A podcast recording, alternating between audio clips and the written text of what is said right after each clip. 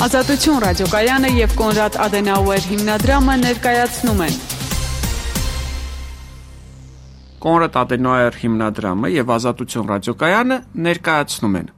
Զրույցներ կորոնավիրուսի մասին հաղորդումների շարքը Ես բժիշկ Վահե Տերմինասյանն եմ, իմ այսօրվա հյուրը ախտաբանների եւ բջջաբանների հայկական ասոցիացիայի նախագահ Արմեն Մխիթարյանն է եւ խոսելու ենք մենք մի բավականին շարքված թեմայի շուրջ, որը ամիսներ առաջ աղմուկ բարձրացրեց եւ որի հանգուցալուծումը կարծես թե շատ մոտ է։ Օգոստոսի 1-ից Հայաստանում թույլատրվելու է եւ իրականացվելու է իդ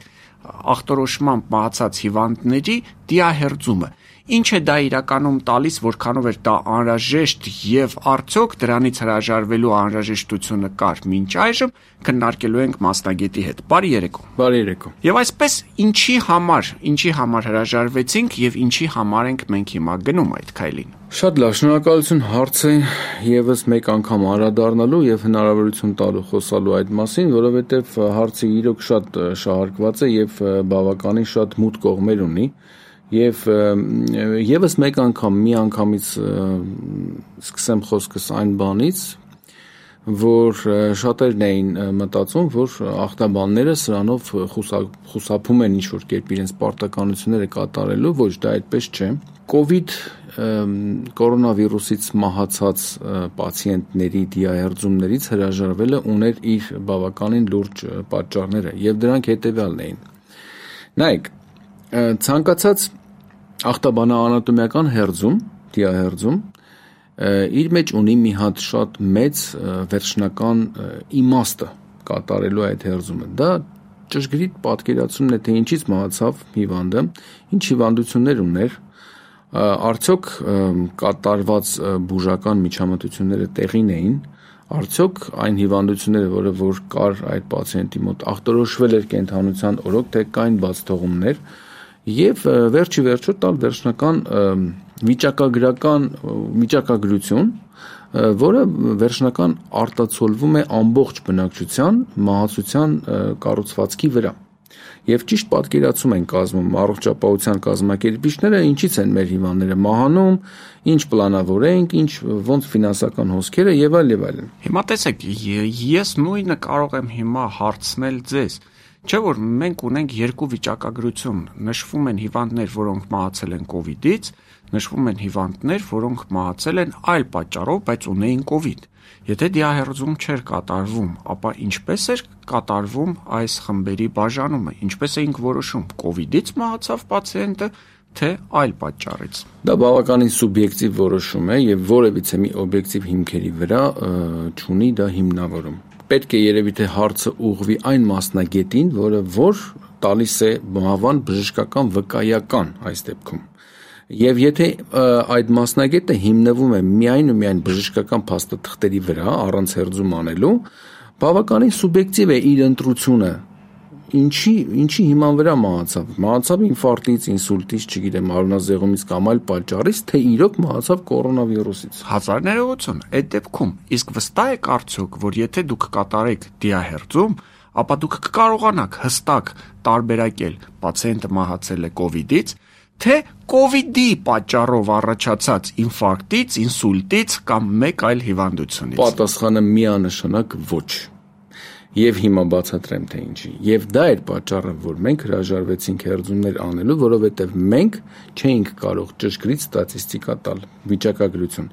Հիմա նայեք, ախտաբանա անատոմիական հերձումը ընդհանրապես ախտաբանանատոմիական հետազոտության մեթոդամարությունը հետեւյալն է։ Որոնք են մեր մեթոդները։ Դա բջջաբանական, հյուսվածաբանական, իմունոհիստոքիմիական, մոլեկուլյար ախտաբանական, էլեկտրոնային մանրադիտակային հետազոտություն։ Մոլեկուլյար ախտաբանությունը որի մի մասը կազմում է նաև այդ վիրուսի հայտնաբերումը հյուսվածքների մեջ, վիրուսաբանական հետազոտությունը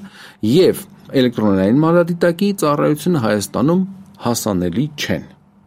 Հետևաբար, իսկ տեսնել վիրուսին անզեն աչքով առավել եւս ասեմ ավելին, հա, ոչ թե առավել եւս սխալ, ասեմ ավելին, տեսնել այն մանրադիտակների տակ, որոնք որոնցով որ մենք հիմա զինված ենք, դա անհնար է։ Դա ենթակառուցվածքային մասնիկ է վիրուսը եւ իրան տեսնելու վիզուալիզացիա անելու համար պետք են կամ էլեկտրոնային մանրադիտակ, որը որ Հայաստանում հասանելի չի, առավել եւս դիակային նյութը անցնի այդ հետազոտություն կամ իմունոհիստոքիմիական հետազոտություն հայտնաբերելու հյուսվածքներում վիրուսի հակածինը եւս հասանելի չի Հայաստանում եւ մոլեկուլյար ախտաբանական մեթոդները նույն PCR, հա, PCR ռեակցիաներով հայտնաբերել հյուսվածքներում այդ մեթոդաբանությունը Հայաստանում եւս հասանելի չի։ Հետևաբար, նույնիսկ դիահերձման պայմաններում, եթե մենք տեսնեինք այնտեղ լավ արտահայտված թոքաբոր, մտածեինք լավ թոքաբոր, բա մենք բացի հստակ տարբերակել ամեն դեպքում չենք հստակ տարբերակել չեն կարող։ Մենք չենք կարող։ Այսինքն նույն երկու խումբը կարող են մնալ ու մնալ հարցականի տակ։ Այո, այո, այո, այո։ Եվ այդ թոքաբորբը արդյոք առաջացրել է H1N1-ը, H5N1-ը կամ այլ տեսակի կորոնավիրուս, ոչ թե նոր կորոնավիրուսը, կամ միգուցե այլ բակտերիալ ինչ որ թոքաբորբ է վստահորեն տարբերակել հնարավոր չէ լինի։ Կներեք, մենք հասկացանք ինչ է կատարվում Հայաստանում ինչ է կատարվում այլ երկրներում, զարգացած երկրներում։ Ասենք, չգիտեմ, եկեք վերցնենք Միացյալ Նահանգները, վերցնենք Գերմանիան։ Արդյոք ձեր կարծիքով այնտեղ 100%-անոց այ տալիս են այս հիվանդը մահացել է կորոնավիրուսից կամ այս հիվանդը մահացավ այլ պատճառից։ Թե էլի նույն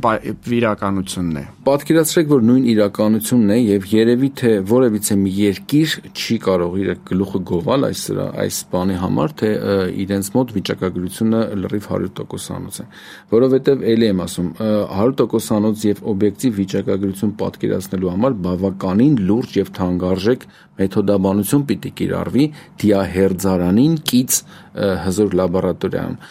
որևիցե մի երկիր չունի այդ պոտենցիալը։ Այսինքն այնպես չի, որ Հայաստանն է ասեն վատ վիճակում գտնվում։ Բոլոր երկրներն էլ այդպիսի վիճակում են։ Դուք պատկերացրեք Իտալիայի այն օրհասական օրերը մենք հիշում ենք, չէ՞, գառնան այդ խայտարակ թվերը օրվա մահացությունը ինչ էր կատարվում։ Այսինքն օր կար 300-500 հիվանդ էր մահանում մենակ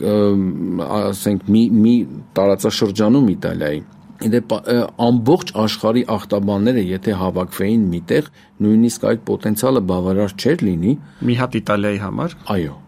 Օրվա 500 դեպ դիահերձում անելը եւ պատկերացում ճիշտ կազմելը, թե այդ 500-ից քանիսը իրականում մահացան կորոնավիրուսից, քանիսը իրականում մահացան այլ պատճառներից։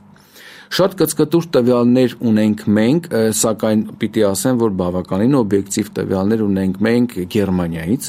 որովհետև Գերմանիայում Համբուրգի դատաբժշկական կլինիկայի ղեկավար պրոֆեսոր Փյուշելներ կարծեմ ելույթը ես լսեցի,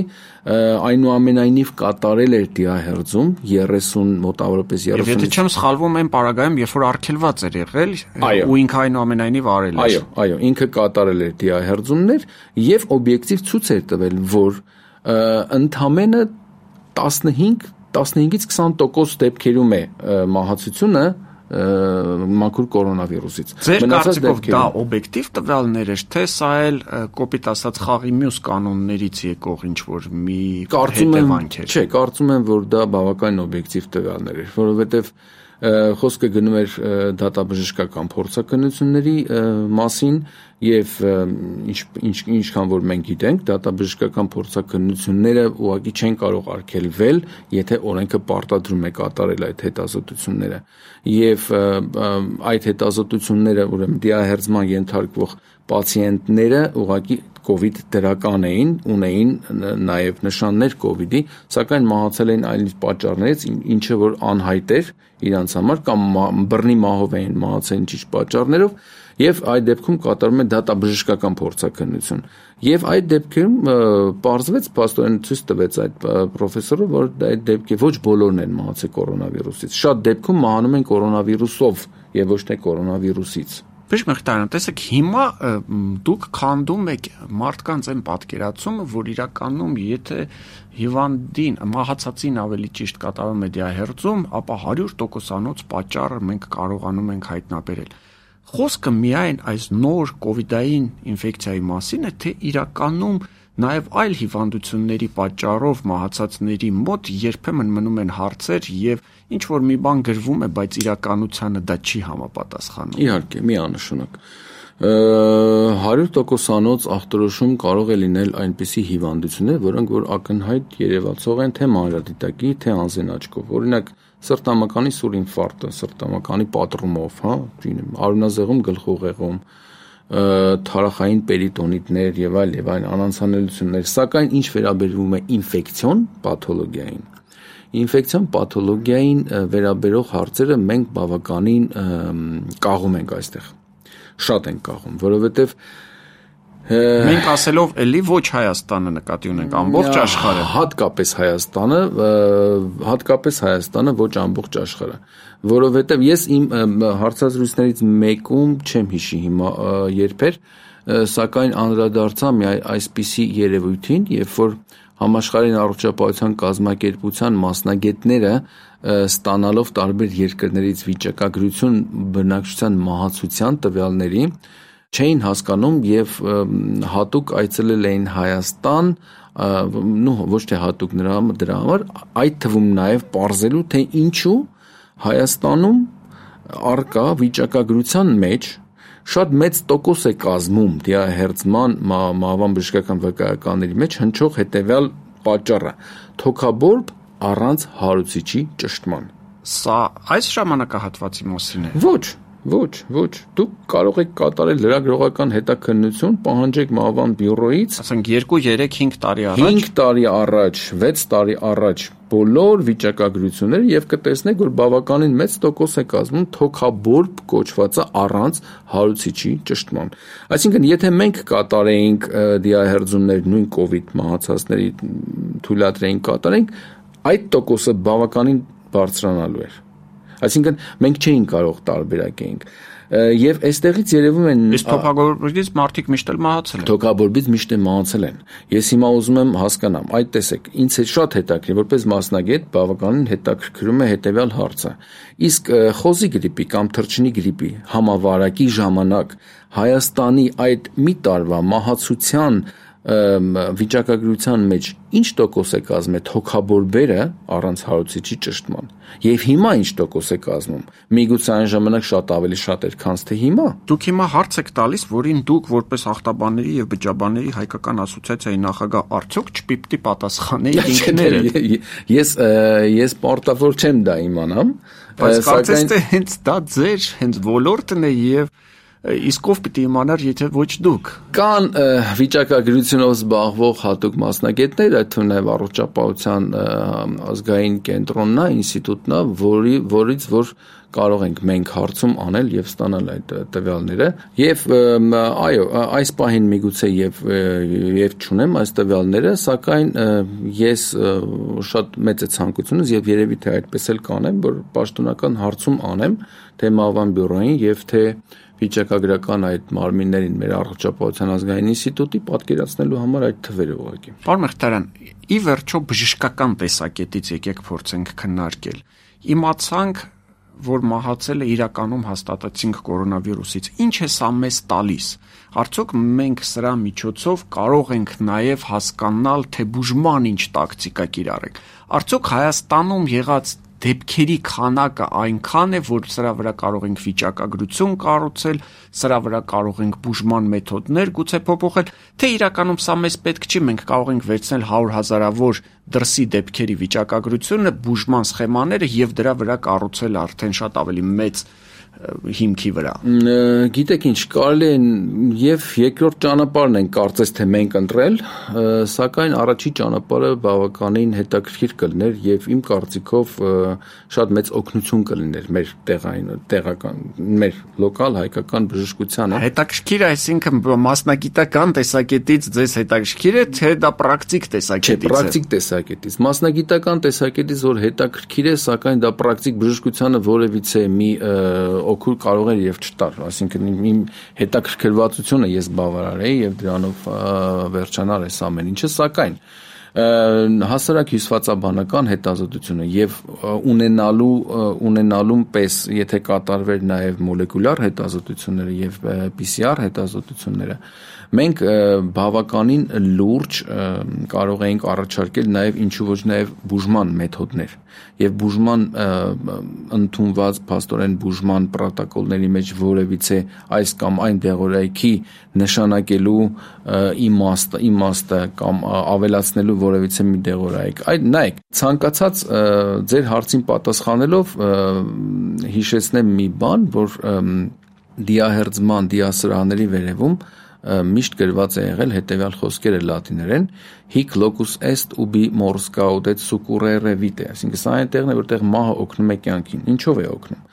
Այսինքն ոչ միայն անզեն աչքով, այլ այլ մանրադիտակի տակ փոփոխությունները հյուսվածքների ախտաբանի համար բավականին լուրջ հիմք են հանդիսանում, որ เป զի պատկերացնի ամբողջ այդ մեխանիզմները առաջացած ձևաբանական փոփոխությունների եւ առաջարկելու այս կամ այն կետային լուծումները դեղորայքային այդ մեխանիզմների ճանապարհների, այդ մեխանիզմների վրա ազդելուն։ Եթե մենք ունենք շատ են ասում, որ կ ូវ իդի ժամանակ, նոր կորոնավիրուսի ժամանակ մենք ունենք էնդոթելի բորբոքում, էնդոթելի վնասում, թոքաբշտերի վնասում, միջթոքաբշտային այդ ինտերստիցիալ հյուսվածքի վնասում, այդ վնասումը պիտի հասկանանք ինչի հետ մենք գործ ունենք։ Եթե մենք այնտեղ ունենք շարակցական հյուսվածքի աճ ուղակի կամ բորբոքում ունենք, ինչ տեսակի բորբոքում ունենք, ինչ տեսակի բջիջներ են գնացել այդ բորբոքային օջախը եւ ամեն մի բջջի վրա ազդակներ մենք կարող ենք գտնել հիմիկվա ուրեմն ժամանակակից թիրախային բուժման տակտիկաներ Եթե փորձենք դա բերել գումարային դաշտ, ձեր կարծիքով այ մեկ մահացածի վրա հետազոտությունների մոտապես ինչ գումար պետք է ծախսվեր, որpիսի մենք կարողանայինք այ հստակ պատասխանել ձեզ որպես մասնագետ գոհացուցիչ պատասխաններ տրվեին։